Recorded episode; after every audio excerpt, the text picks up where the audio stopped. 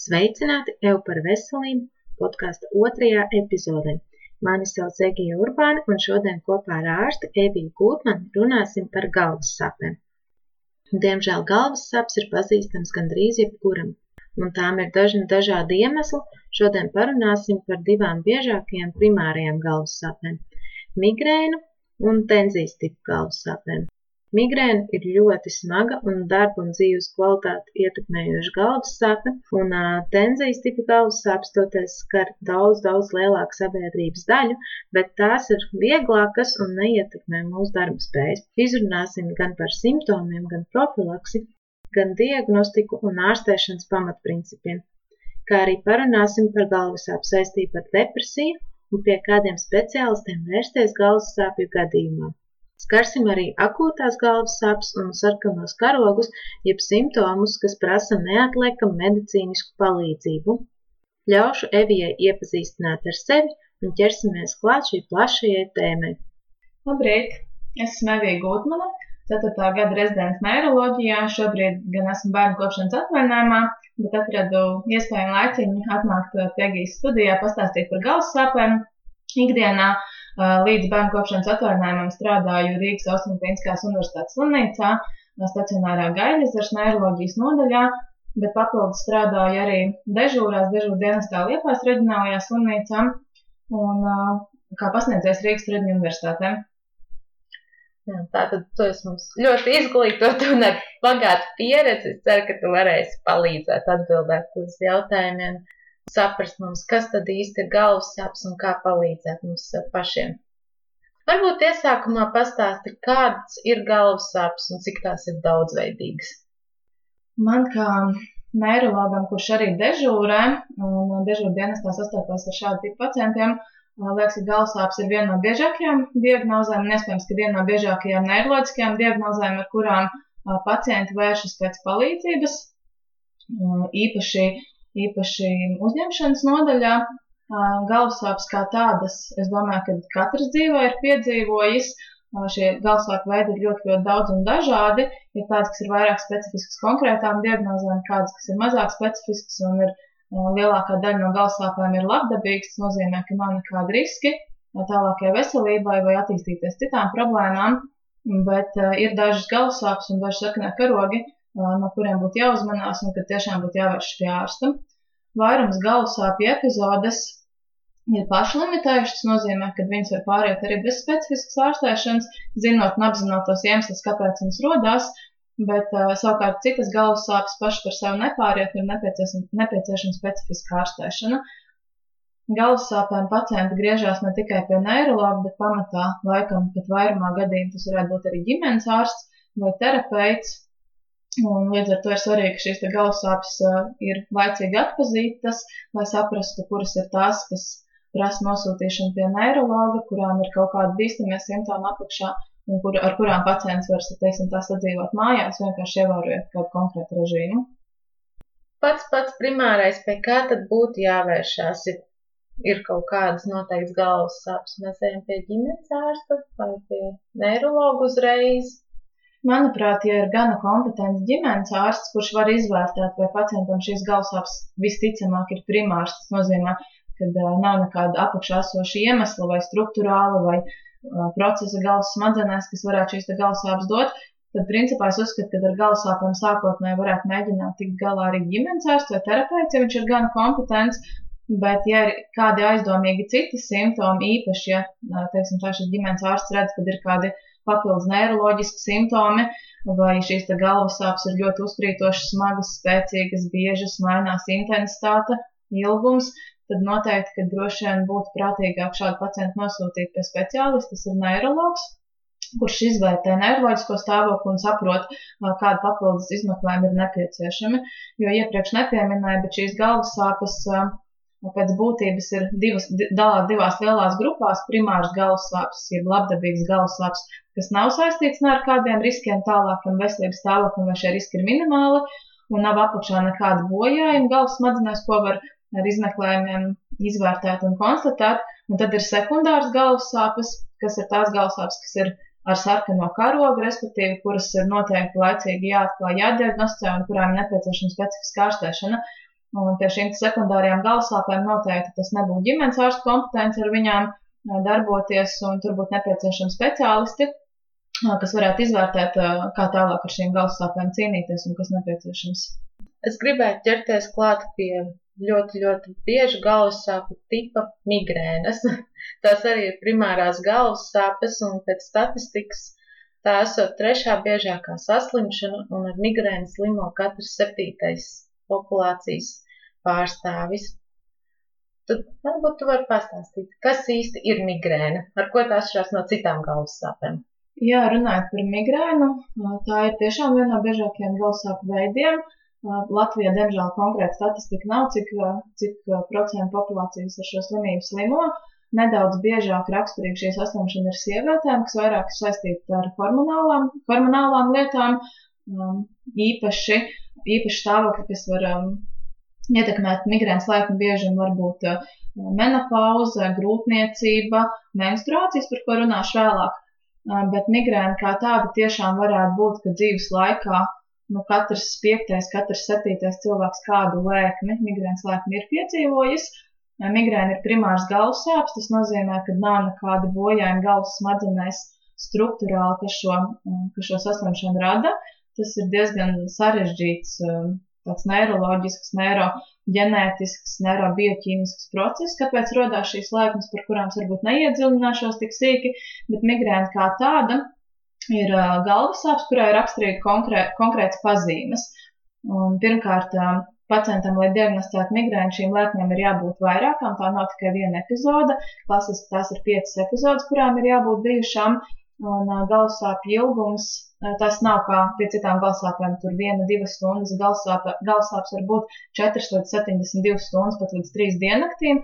Gadījumā, ja šīs galvasāpes netiek ārstētas, vai tiek ārstētas neefektīvi. Pašai migrēnai kā tādai ir raksturīgi klīniskie simptomi. Tas, ka šīs galvasāpes ir spē diezgan spēcīgas, vismaz vidējas intensitātes vai pat izteiktākas, šīs galvasāpes klasiski ir vienpusējas, bet tas nav obligāti. Galsāps var būt arī apusējas un uh, varbūt pulsējošas, un diezgan bieži ir pavadoši simptomi, uh, tāda kā nepatika pret skaņu, pret gaismu, slikta duša, uh, līdz pat vemšanai. Un uh, slikta duša ir gandrīz katram otrajam pacientam pie migrēnas lēkmes, uh, pie kā es pieskaršos drusciņu vēlāk pie ārstēšanas, kuras svarīgi ievērot šajā aspektā. Migrēnas lēkmes kā tādas var būt tikai ar galvas sāpēm, bet migrēnai diezgan raksturīgi ir arī vismaz katram piektajam pacientam, katram septītajam, kam ir migrēnas lēkmes, tad var būt migrēna ar auru, kas ir specifisks simptoms, kas parādās pirms galvas sāpēm. Kas tajā aurā tieši būtu novērojams? Uh, migrēnas aura uh, visbiežāk ir saistīta ar vizuālām lietām, respektīvi tie redzes traucējumi, uh, Klasiski tie ir dažādi mirgojoši zigzaga veida um, objekti, ko pacients redz redzes laukā, bet tie, tajā pašā laikā var būt arī tādi negatīvi simptomi, kā redzes traucējumi, kad, pieņemsim, izkrīt redzes lauks vai, vai aplis redzes centrālajā daļā, ko pacients neredz. Klasiski ir tas, ka šie simptomi ir pirms galvas sāpēm, viņi attīstās pakāpeniski 5, 10, 20 minūšu laikā un parasti līdz stundai pāriet pēc šīs auras sākās uh, galvas sāpes. Tomēr tas ir neobligāti. Pacientam var būt tikai aura bez galvas sāpēm. Bet šie auras simptomi, kas ir um, pirms galvas sāpēm, var būt tikai saistīti ne tikai ar redzi, tie var būt arī dažādi citi simptomi. Nākamie biežākie bez redzes traucējumiem ir jušanas traucējumi, notirpums, skudriņu skraidīšana pa roku vai kāju, kas pāriet pakāpeniski uz seju, un smagākos gadījumos var būt arī citi simptomi, kā līdzsvaru traucējumi, izteikts reibonis, runas traucējumi un tā tālāk. Nu, tātad pacients pirms īstās migrēnas, pirms galvas sāpēm izjūt kaut kādu simptomu kopumu, viņš jau zina, ka tūlīt tā migrēna visticamāk būs. Jā, ja pacientam, protams, ir pirmā šāda epizode, visticamāk viņš sabīsies, sabīsies un ar šiem simptomiem vērsīsies pēc palīdzības, bet ja pacients ir ilgstošāk slimo ar migrēnu, viņš visbiežāk šos simptomus atpazīst, jo Viņi diezgan stereotipi pacientam atkārtos pirms katras uh, galvasāpju Mhm. epizodes. Un pacientam, kuram parasti ir piemēram redzes traucējumi, arī būs redzes traucējumi. Nevis vienreiz redzes traucējumi, un nākamā reizē līdzsvaru traucējumi, vai tas mēdz tā miksēties.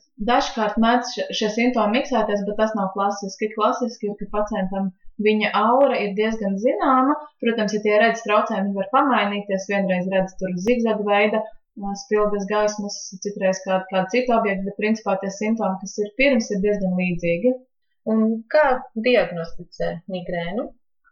Pēc būtības migrēnu var diagnosticēt arī ģimenes ārsts vai, vai vispārējais specialitātes ārsts, piemēram, terapeits, bet diezgan bieži šo migrēnu diagnozi baidās uzlikt. Un, man- manuprāt, ir tādi divi grāvji, vai nu hiperdiagnostika vai hipodiagnostika, un abi divi var novest pie nepareizā ārstēšanas tālāk. Ir speciāli kriteriji izstrādāti, pēc kuriem migrēnu var diagnosticēt arī ģimenes ārsts. Un Tātad pietiek tikai ar klīniku. Migrēna, ja viņa ir klasiska un nav tiešām nekāda aizdomīga cita simptoma, kas liecinātu, ka apakšā varētu būt cita saslimšana, pēc būtības jā, ir klīniska diagnoze. Bet uh, ņemot vērā, ka uh, dažkārt tie simptomi mm, var miksēties arī ar citiem simptomiem, īpaši, ja cilvēkam ir arī fonā citas saslimšanas, uh, līdz ar to ir, ir pāris izmeklējums, ko parasti rekomendē vai piedāvā veikt. Bet katrā ziņā pie katras galvasāpju epizodes nav jātaisa um, radioloģiski izmeklējumi. Un uh, aptuveni kādā vecumā sāk slimot ar migrēnu.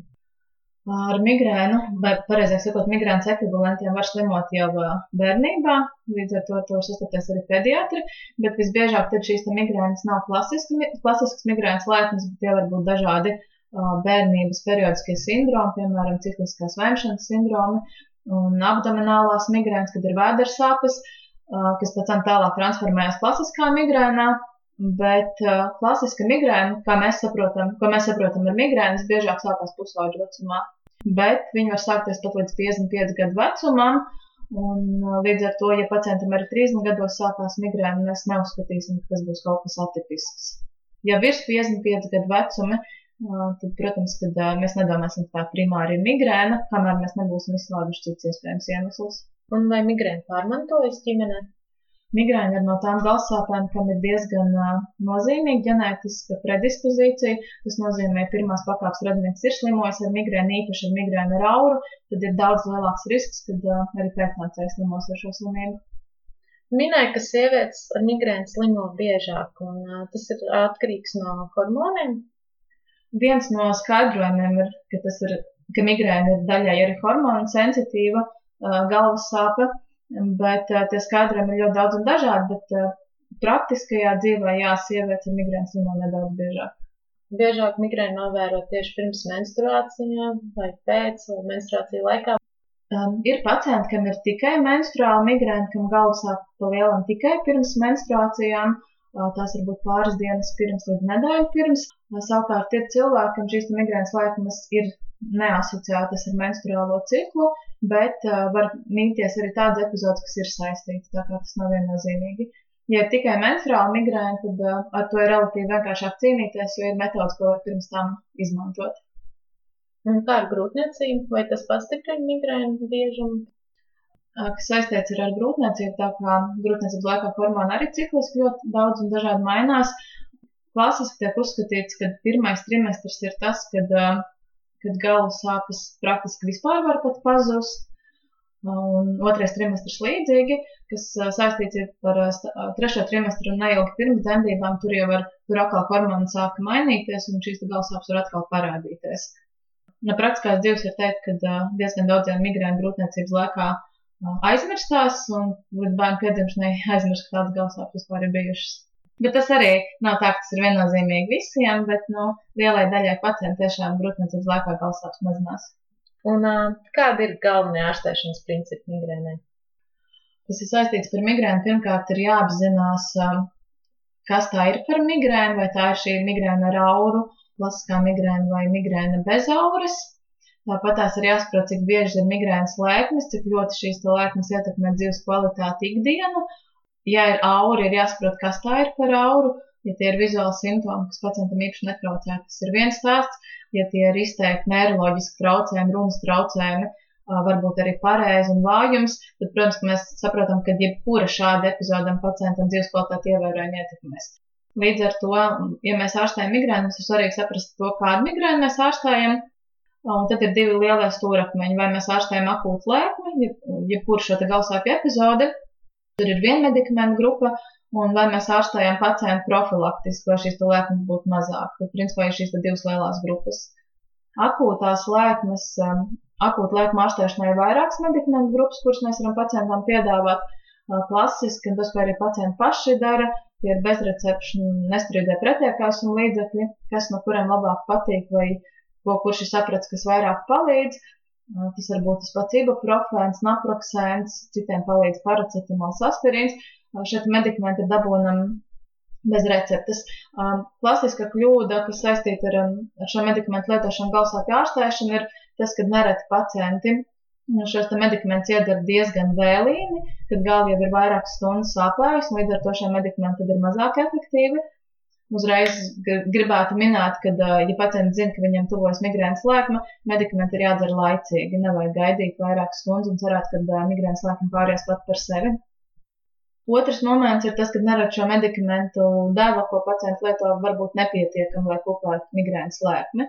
Klasisks piemērs ir paracetamols, kad nereti 500 mg pacientam nepalīdz, un pacients dzer atkārtotas devas, kaut gan, pie, pieņemsim, efektīvā deva viņa gadījumā būtu bijis grams. Otrs moments, kas ir saistīts ar šo medikamentu lietošanu, ir tas, ka pacientam ar migrēnu nereti ir slikta duša, varbūt pat vēmšana, līdz ar to medikamentu absorpcija kuņģī un vispār kuņģzēnu traktā motorika ir kavēta, un pacients lieto šo medikamentu, vai nu viņš viņu attiecīgi izvēlē, vai nu šī kundzēna traka motorika ir nepietiekama, lai medikaments uzsūktos, un līdz ar to tas medikaments nestrādā. Tāpēc ir diezgan svarīgi pacientam par spīti sliktajai dušai spēt tomēr kaut ko drusciņā apēst, iedert pirms lieto šos medikamentus, lai šie medikamenti varētu darboties.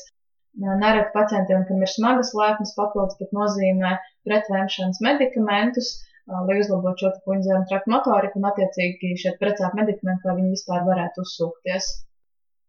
Ja nelīdz neviens no iepriekš minētajiem līdzekļiem, protams, tad attiecīgi pacients visticamāk būs klusā, klusā telpā, tum, tumšā, var mēģināt arī dažādas fizikālās metodas, augsts apliekamos uz pieres, miers, gultas režīms, klusums.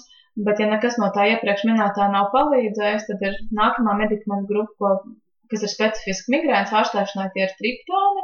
Um, šie medikamenti gan ir recepšu medikamenti, nu, attiecīgi tas ir jānozīmē kādam no speciālistiem. Un šie medikamenti arī ir ļoti daudz un dažādi. Vienam nepalīdz visi, līdz ar to tie medikamenti varbūt jāmēģina un jāmiksē. Bet um, daļai pacientu šie medikamenti tiešām ļoti labi palīdz eh, lēkmes kupēšanai, ja viņi arī attiecīgi laicīgi iedzerti.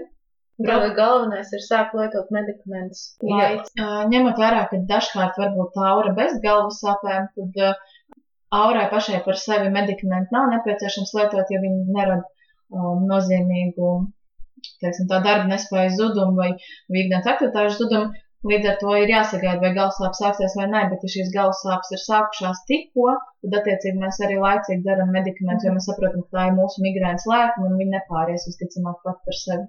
Un vai ir kaut kas no dzīvesveida un uzturu paradumiem, ko var profilaktiski darīt, lai lēkmes nebūtu tik biežas?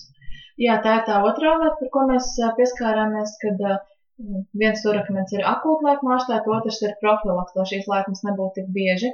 Um, kas attiecās par profilaks, numuru viens, kas ir jāievērā, tas ir dzīvesveida režīma rekomendācijas, uh, sākot ar um, fiziskām aktivitātēm, ar uzturu režīmiem, kas attiecās par fiziskām aktivitātēm, tiek rekomendēts, ka vismaz trīs reizes nedēļā, vismaz 40 minūtes pacients nodarbos ar kādu aerobu aktivitāti.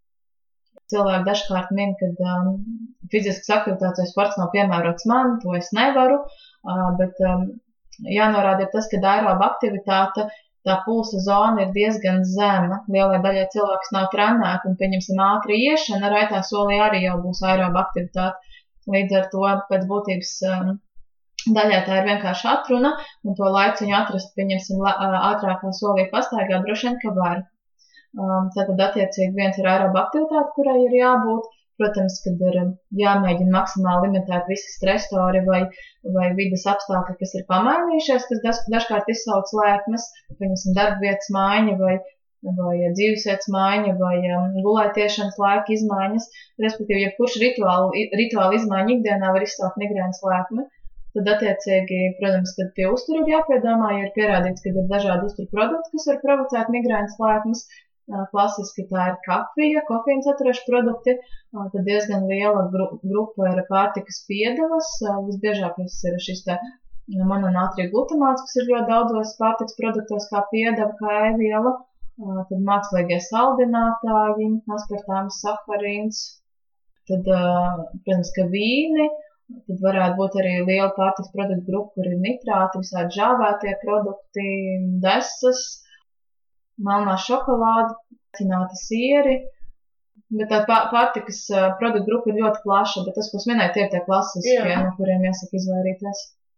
Kas attiecās par kafiju, tur atkal ir jāskatās, ka diezgan bieži Uh, varbūt arī kofīna sensitīvs galvasāpes, kofīna jūtīgs galvasāpes, un pacienti, kam ir migrēna, saka, ka viņiem tieši pretēji, ka ja viņi nav iedzēruši savu kafiju, viņiem galvasāpju ir migrēnas lēkme, bet tas attiecīgi jau ir cits stāsts. Nu jā, tad katram pašam ir jāsaprot. Un, kas ir tas, kas viņam jāprovocē? Jā, jāpērks, tev jāuztais dienas grāmatu, varbūt varēs vieglāk saprast. Vai... Jā, par dienas grāmatu ļoti labi minēja. Ja mums atnāk pacienti ar galvas sāpēm, diezgan bieži tas viņa stāsts ir ļoti nekonkrēts, viņš pats īsti pat nevar saprast, kad viņam sāp, cik bieži viņam sāp, cik bieži viņam nāks dzert medikamentus, kas provocē. Un šī migrēnas dienas grāmatas ieviešana ir ļoti labs palīgs gan pacientam, gan ārstam, lai saprastu, cik bieži ir lēkmes, kas provocē un kā lai palīdzētu. Jo, ja tās lēkmes ir ir retas un pacientam dzīves kvalitāte neietekmē, tad iespējams, ka profilaktiskā ārstēšana nav vajadzīga. Bet, ja lēkums ir vairākas reizes nedēļā, vai ja pacientam vairākas reizes nedēļā jālieto ir medikamenti dēļ lēkmēm, vai arī, ja viņam ir kaut vai viena vai divas lēkmes mēnesī, bet viņas tiešām ietekmē dzīves kvalitāti, vai pacients zaudē darba spējas tajā dienā, tad noteikti mēs apsvērsim profilaktisku arī ārstēšanu. Ne tikai dzīvesveidu, ja šis dzīvesveida mm. režīms nestrādā, bet attiecīgi arī medikamentus. Ja es drīkstu par migrēnu minēt, um, šobrīd ir tā, ka uh, ir ļoti daudz pacientu, ka migrēna transformēsies ikdienas galvas sāpēs. Tas ir viens moments, kad, uh, kad pacientam ir nepieciešama papildus palīdzība. Un šobrīd Latvijā ir vairāk galvasāpju kabinetu un galvasāpju klīnikas, kur ar šādiem pacientiem, uh, kam ir, teiksim, tā ielaistas galvasāpes nārstēts, uh, dar, darbojās un var palīdzēt. Un uh, Latvijā arī ir vairākas jaunas metodas un jaunas terapijas iespējas, kas ir ienākušas tieši pēdējos gados fizikālās dažādas metodas un arī, un arī jauni medikamenti, kas ir nesen bijuši pētījumos, bet kas šobrīd ir pieejami jau Latvijā. Tāda kā ir tāds aparāts kā cefalai, kur transkraniāli tiek stimulēti trigger punkti, viņš ir nopērkams Rīgā. Negribu lobāt nevienu no klinikām, bet, uh, principā, viņš ir atrodams un dabūnams. Viņu var arī izīrēt pamēģināšanai, ko var lietot katru dienu noteiktu laiku, un tiešām ir daļa pacientu, kas saka, palīdz. Viņa mājās pats pacients uzliek, kad viņa tuvojas galvas sāpes. Jā, jā, viņu var lietot, ir vairāk režīmi, sauc cefalai. Uh, viņam ir vairāk režīmu, viņi var lietot profilaktiski ikdienā, noteikti minūšu skaitu, vai arī tad, kad ir sākšās galvas sāpes. Ja viņi lieto profilaktiski, tad tās parasti ir apmēram 20 minūtes pa uzlieku uz pieres vai uz tām zonām, kur, kur ir šie triggeri punkti un vienkārši profilaktiski ļauj šim aparātam iedarboties. Izklausās ļoti vienkārši metode. Jā, un tad ir, ir arī sarežģītākas metodas, piemēram, pacientiem, kas ir izmēģinājuši vairākus profilaktiskos medikamentus un kas nav strādājuši. Latvijā šobrīd piedāvājumā ir arī botulīna toksīna injekcijas pacientiem ar, ar, ar migrēnu.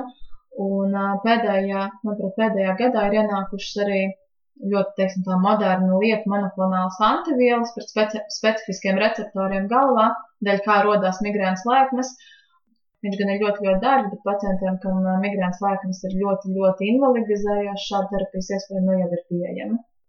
Vēl ļoti bieži galvas sāpes no primāriem tipiem ir saspringuma galvas sāpes, jeb, kā mēdz minēt, arī tenzijas tipa galvas sāpes. Kas tām ir raksturīgs un kā viņas atšķir no migrēnas? Diezgan bieži abas galvas sāpes savā starpā jauc, jo pacientiem, kam migrēna nereti ir arī tenzijas tipa galvas sāpes, Laikam tas, kas visvairāk šīs galvas sāpes atšķir, ir vairāk tādas klīniskas lietas. Pirmkārt, ka šīs galvas sāpes, tas ilgums ir ļoti, ļoti variabls. Tā var būt pusstunda līdz pat septiņām dienām, kad galva sāp. tomēr šīs galvas sāpes reti, kad ierobežo pacientam ikdienas aktivitāti. Visbiežāk viņš var saglabāt strādāt, viņš var turpināt kustēties. Ikdienas fiziska aktivitāte šīs galvas sāpes parasti nepastiprina. Galvas sāpes ir vieglas vai vidēji stipras, vairāk spiedošas, apusējas, tādas vispārēji nīdošas, bet šiem galvasāpēm nav klasiski, respektīvi nav šie simptomi, kā nepatika pret skaņu, pret gaismu, slikta duša vēmšana. Restīvi šīs galvasāpes mazāk pacientam ietekmē ikdienas aktivitāti. Arī tām tāpatās darbojās profilaktiskās dzīves. Jā, jebkurām galvas sāpēm, primārām dzīvesveidu režīmu rekomendācijas palīdzēs profilaksē. Tā tad arī jābūt aktīviem, bez stresa, ar pareizu miega režīmu un Jā. Arī no uztur jāuz, jāizslēdz tie paši produkti. Tie pārtiks produkti, kas triggerē migrēnas lēkmi, viņiem ir mazāk pētījumi, ka viņi būtu saistīti ar tenzijas, ar galvas sāpēm, mm -hmm. bet par pārējām lietām, par dzīvesveidu režīmu noteikti. Un arī medikamentos šīs saspringuma galvas sāpes ir viegli ārstējamas. Uh, terapijas principi ir ļoti līdzīgi. Uh, ja pacientam galvas sāpes nepāriet, pieņemsim, izjot ārā laukā, lēnāk pastaigā pelkot svaigu gaisu atpūšoties, tad ir tieši tāpatās šie precēti medikamenti, kas ir bez recepšu. Ja nepalīdz tie, tad attiecīgi ir arī spēcīgāki medikamenti, bet uh, visbiežāk pie šīm galvasāpēm spēcīgāki medikamenti nav nepieciešami. Uh, Ja šīs galvas sāpes ir biežākas par, par 15 reizēm mēnesī, tad attiecīgi viņas jau skaitās kā kroniskas, kroniskas tendijas tipa galvas sāpes, un tad attiecīgi ir jāsāk lietot profilaks, lai šīs galvas sāpes nebūtu tik bieži. Jā, es vēl gribēju parunāt par kroniskām galvas sāpēm un depresiju. Tātad, ja šīs kroniskās galvas sāpes, ka tas ir gandrīz pusi no mēneša, ir 15 jā, dienas. 3 mēneši. Jā. jā, 15 dienas mēnesī tas ir diezgan traucējoši ikdienā, un daudziem pacientiem attīstās depresija, kas ar to iet roku rokā, un uh, pēc pētījumiem aptuveni 20% kronisko galvas sāpju pacientu slimo ar depresiju. Un ir arī pētījumi, kas uh, parāda, ka depresijas pacientiem attīstās ar laiku galvas sāpes. Tas tā kā saistīts viens ar otru. Nu, manuprāt, vispār jebkuras hroniskas sāpes ir saistīts ar um, depresiju un ar garstāvokļu traucējumiem, un galvas sāpes nav izņēmums. Uh, bet um, iespējams, ka tā saistība ir uh, apusēja. Tiešām, kad arī galvasāpes ir savā ziņā tāds biopsihosociāls fenomens, un pacientiem, kuriem ir fonā trauksme, stress, nomāktība, kaut kādas problēmas ikdienā vai attiecībās, kad šie visi stresori noteikti provocē galvasāpju attīstību. Savukārt galvasāpes kā tāds pacientam ietekmē emocionālo stāvokli tālāk. Un, un tas vienā brīdī varbūt aiziet ļoti nekontrolēti, un pacientam liekas, ka viņam ir depresija dēļ tā, ka viņam sāp galva, bet patiesībā primārā problēma ir garstāvokļa traucējumi, ar kuriem būtu jācīnās. Jā, tad, šiem pacientiem primārā izvēle ārstēšanā noteikti ir antidepresanti, un tas palīdzēs gan depresijai, gan galvas sāpēm. Jā, viena no medikamentu grupām, ko izmanto uh, profilaksei, ir antidepresanti. Uh, vispār pacientam piemeklēt pareizo terapiju pie profilaktiskiem medikamentiem, jo tur ir ļoti daudz faktoru, kas ir svarīgi, ko ir jāizvērtē. Viens no tiem ir tiešām šie emocionālie traucējumi. Ja pacientam būs depresija, ja plūs galvas sāpes, tad ļoti labi tie būs tricikliski antidepresanti, ko mēs varam pacientam piedāvāt Savukārt lielai daļai pacientās ir citas fona slimības - augsts asinsspiediens, augsts puls, dažādi vaskulāri traucējumi, tad attiecīgi tās būtu cita grupa - antihipertenzīvie medikamenti, spiediena medikamenti. Bet antidepresanti ir tā diezgan klasiska medikamentu grupa. No tiem nevajag baidīties, kā ir pieņemts sabiedrībā. Īstenībā ļoti daudz aizspriedumu par to. Klasisks aizspriedums ir tas, ka antidepresanti rada atkarību, ja pierakš, pierašana, kas īsti nav taisnība, antidepresanti atkarību nerada. Un līdz ar to šajā aspektā no viņiem baidīties nevajadzētu.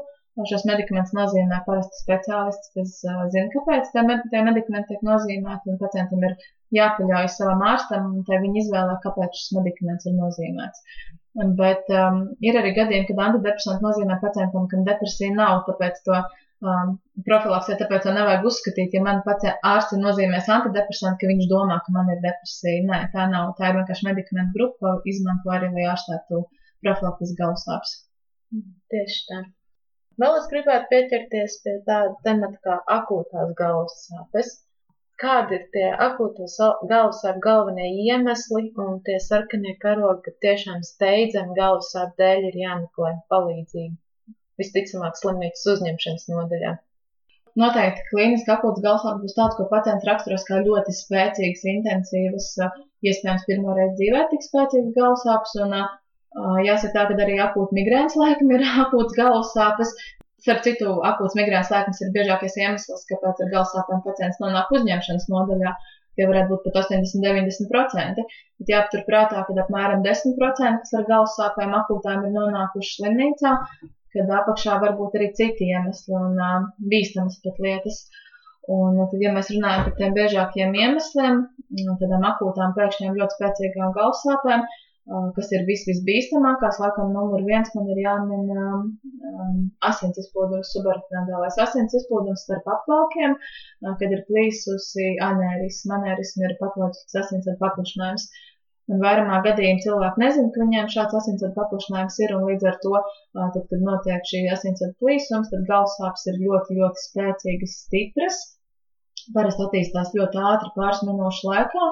Pacients stāsta, ka tās ir viens no spēcīgākajām manā dzīvē. Un loģiski, ka loģiskākais solis ir, ka pacients vēršās uzņemšanas nodaļā ar šādām sūdzībām. Un tas parasti notiek pēkšņi, vai tas ir kāds traumas rezultāts? Visbiežāk uh, subarachnoidāla asins izplūduma notiek spontāni, tas ir bez iemesla.